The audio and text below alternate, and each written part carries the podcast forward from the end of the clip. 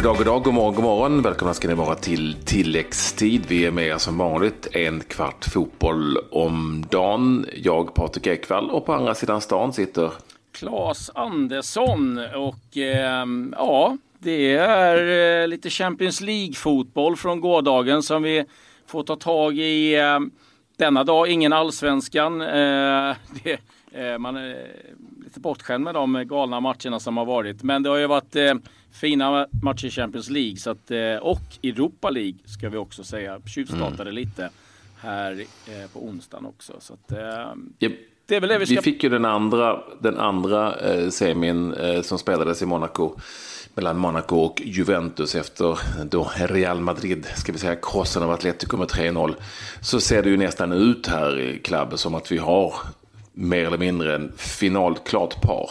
Eftersom Juventus återigen imponerade stort. Vann med 2-0 borta mot eh, Monaco. Och jag utgår från att eh, eh, det sitter en svensk och sörjer där borta i, ibland i skatteparadiset. Eller en bit där, liten, liten bit därifrån i alla fall. Nämligen Pontus Farnerud som vi har med oss. Bonjour Pontus.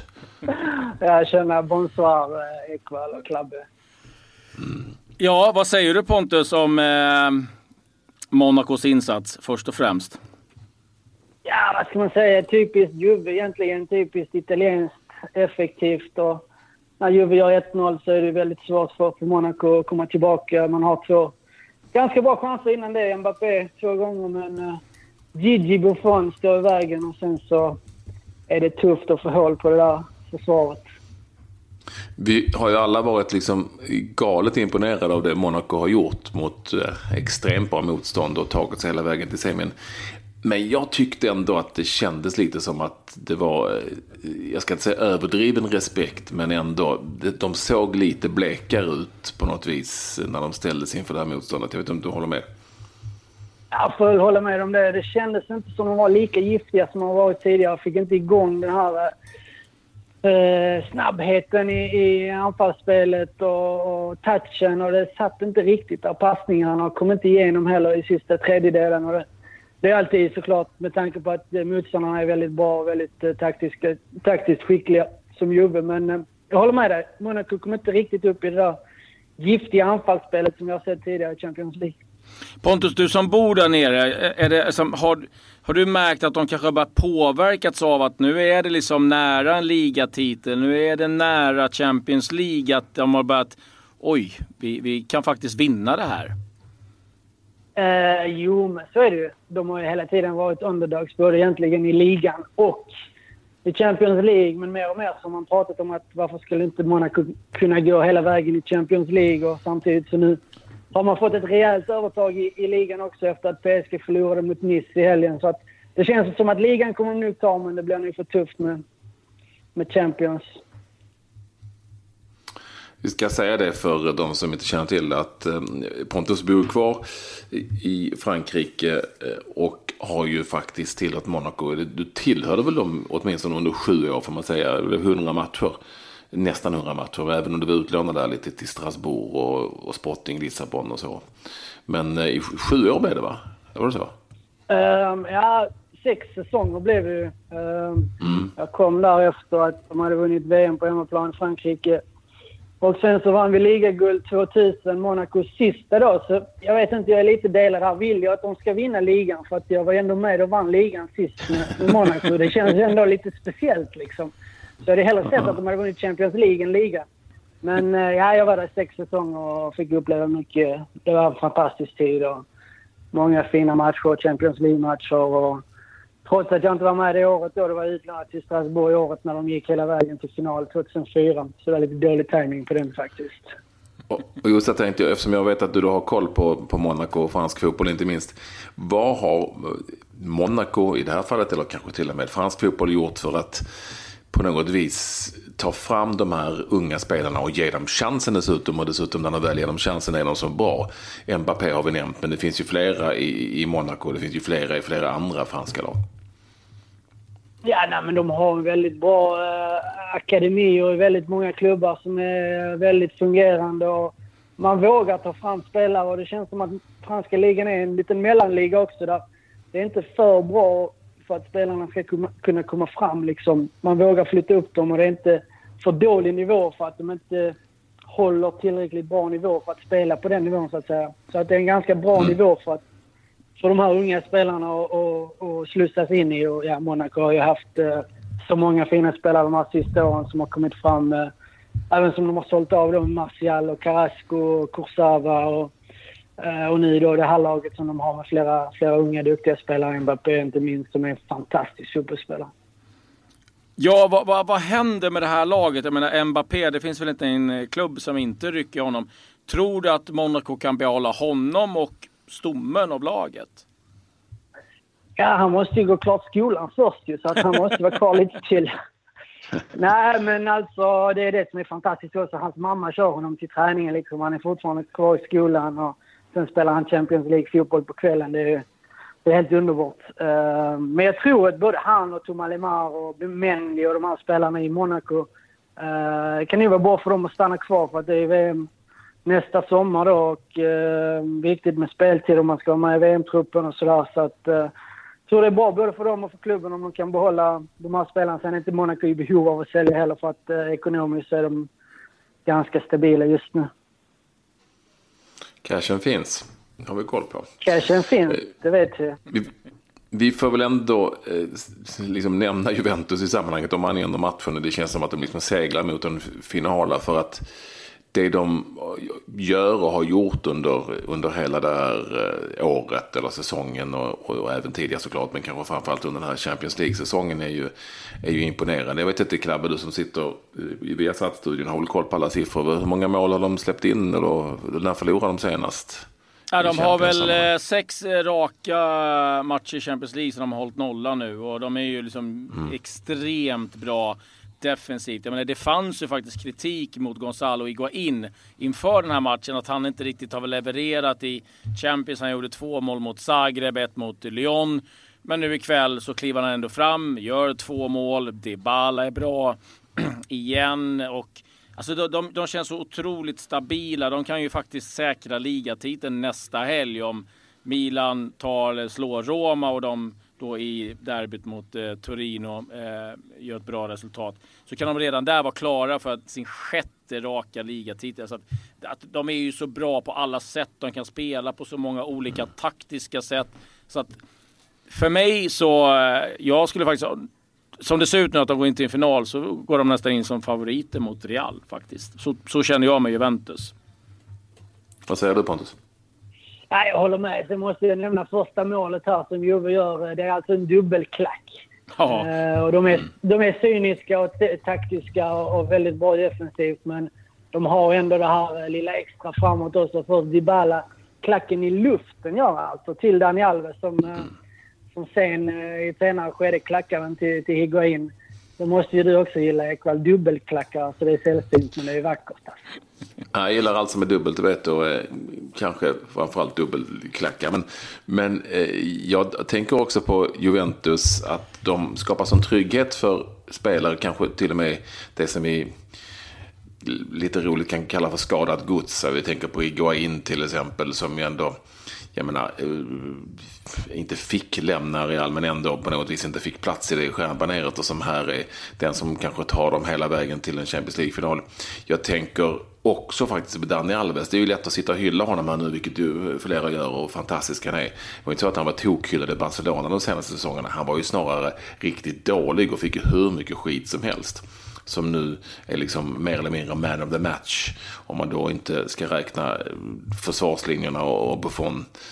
Även om Alves kanske då får räknas som en del av försvarslinjerna så var han ju väldigt mycket uppe nu också. De, de, det, det, finns ju någon sorts trygghet här där, där, där de inte vräker ut pengar på spelare som andra klubbar gör. Exempelvis Real Madrid. Utan ja, de skapar någonting av det de vet är bra och som inte har lyckats på annat håll. Det gillar jag. Ja, de plockade... Ja, ja. det, så att de har gjort det jättebra. Men Pogba hämtar de ju gratis. Eh, Kedira gratis. Mm. Dani Alves gratis.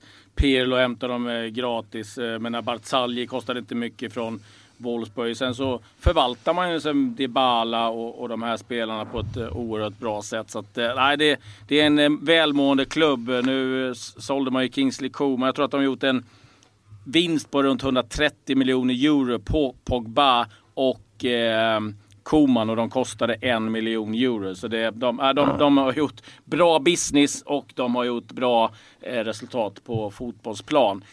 Ett annat lag Pontus som det inte heller gick så bra för idag eh, vad det gäller fransk fotboll. Det är Lyon. Fick en riktig smäll mot Ajax 4-1. Ja, jag såg det. Det var ju ganska överraskande faktiskt. Uh, Ajax som såg ut som Ajax i fornstora dagar nästan. Jag såg lite av matchen det var elektrisk, fantastisk stämning uh, på Amsterdam Arena som numera ska... App, app, app. Johan Cruyff Stadium va? Exakt, exakt. Jag vet inte om de har officiellt uh, bytt nu. Nej, det har de inte. Men det, det, var en fantastisk fotbollsmatch med mycket chanser fram och tillbaka och Ajax uh, hade det där Ajax-spelet som, som man alltid har haft och med så många unga spelare uh, i laget. Uh, danskar och Lill-Klöivert kom in också. Patrik Klöiverts son. Två 17-åringar som fick lira. Det, det var riktigt bra fotboll från, från Ajax det också. Det är nästan så att Monaco framstår som gamlingar. Ja, ja exakt. Ja, i, det, I det sammanhanget kan man säga det. Men jag måste slänga ut en annan fråga till er då. Um, Gigi Buffon. Kan han få Ballon d'Or den här säsongen då, 2017? Om det nu skulle vara så att Juve går hela vägen. Så är det en het kandidat. Det är ju oftast, det är ju oftast målskyttar som premieras, eller hur? Det blir ju lätt så. Kan man då säga tyvärr lite grann. Men eh, han borde absolut kunna vara en kandidat om nu inte liksom Ronaldo gör fyra mål på honom i finalen. Om vi nu utgår från att det menar, det är inte EM eller VM den här, den här säsongen heller. Champions League väger ganska tungt. Och det är inte ja. så att han eh, inte har storspelat. Ja, jag, tror, eh, jag tror finalen kan avgöra det.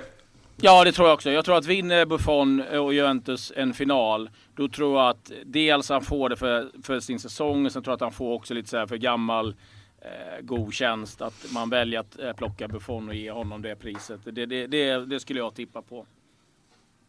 Mm.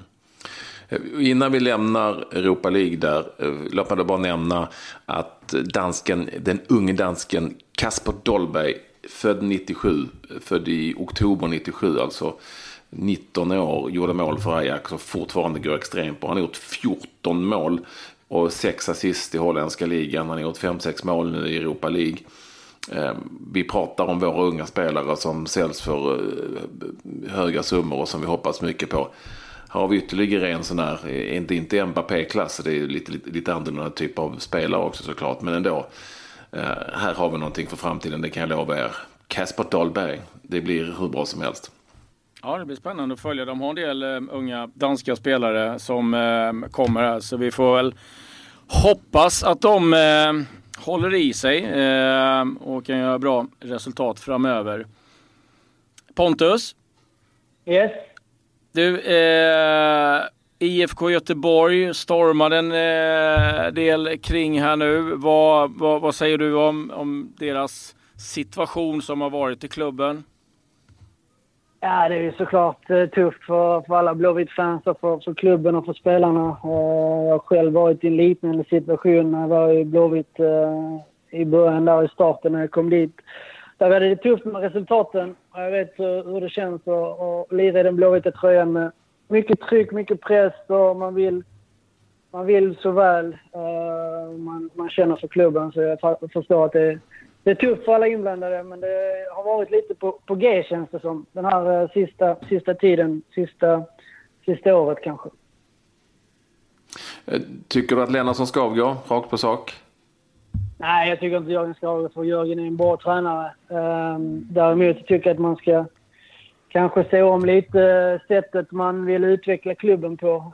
Um, det sitter väldigt mycket tradition i väggarna på Kamratgården. Och, um, många som som vill bestämma och som eh, ofta relaterar till vad som har varit. Utan nu är det 2017 och då måste man eh, kanske förändra sin strategi och, och sättet att eh, ta en klubb vidare och framåt.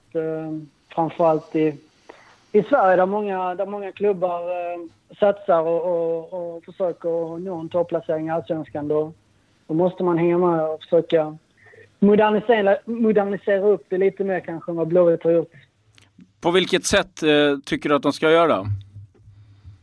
Ja, men det, är, det ska gå genom hela klubben. Det är någonting som ska börja underifrån i, i unga, unga åldrar. Jag såg att Häcken vann både U21-derbyt ganska komfortabelt eh, med 3-0 tror jag mot Blåvitt eh, och, och även då 4-0 här nu på en vecka. Så att eh, Häcken gör många saker på, på rätt sätt. Och Blåvitt har faktiskt tappat där. Och det, det borde liksom finnas en, Eh, ett lite modernare tänk och en, en, röd linje genom hela klubben så att, eh, så att lokomotivet, A-laget, ehm, är så bra som, som man var för ett par år sedan eller för den tiden när man var som bäst. Så att, eh, det känns som att det är dags att förändra kanske lite i, i hela klubbens sätt att, att driva IFK Göteborg.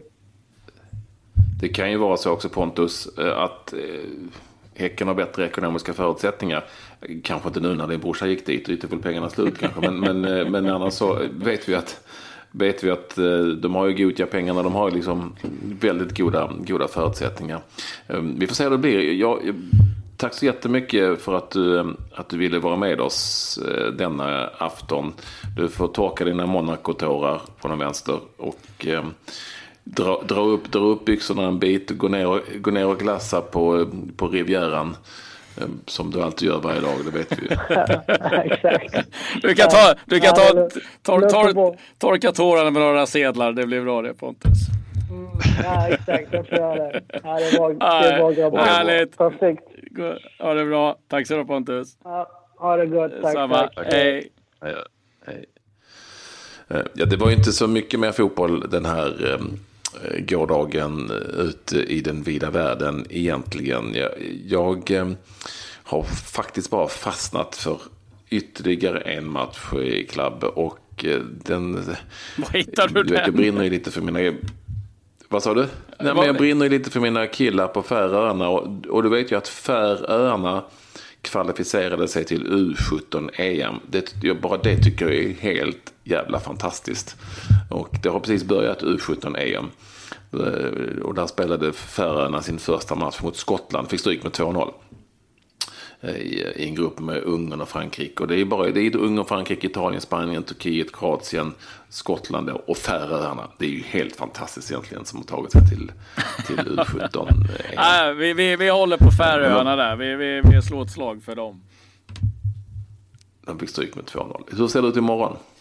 Eller idag ska jag säga. Ja, idag är det ju uh, givetvis uh, den andra i uh, Europa League-matchen. Det är Celta Vigo mot Manchester United. Det är lite League One-fotboll. Vi har lite MLS och sådär. Sen har vi lite ja, små, små lagspel, höll jag på att säga, i, i England. Just det, bara en liten, liten nyhet från England vad det gäller just non-League. Det är att man nästa år kommer testa att visa ut spelaren i 10 minuter eh, för eh, protest. Så att eh, vi får se om det blir någonting mm. som catchar vidare sen framöver. Man brukar ju testa lite nya regler i mindre divisioner eller cupspel. Så att det ska man testa ja, i England. Ja, mycket intressant. Men med det så hoppa, tycker jag vi ska... Hoppas de inte inför det, hoppas de inte inför det i, i Spanien bara för då är det inte många spelare kvar på planen. Nej, då, då blir det tomt snabbt. Eh, det kan vi konstatera. Ja. Jag kan säga att det, det, det gnälls en del i de ligorna också i någon lig i England. Det kan jag säga och det är inga snälla ord som sägs. Men nu får vi runda av det här tycker jag. Och så återkommer ja, vi med eh, vad som har hänt eh, med matcherna senare i afton. Mm, det blir väl koncentration på Celta, eh, Manchester United kan jag tänka mig. Det är U17, EM fortsätter då, Norge också med, där ska vi inte glömma säga. Eh, så tack och hej ja. Eh, från tilläggstid för den här gången. På återseende.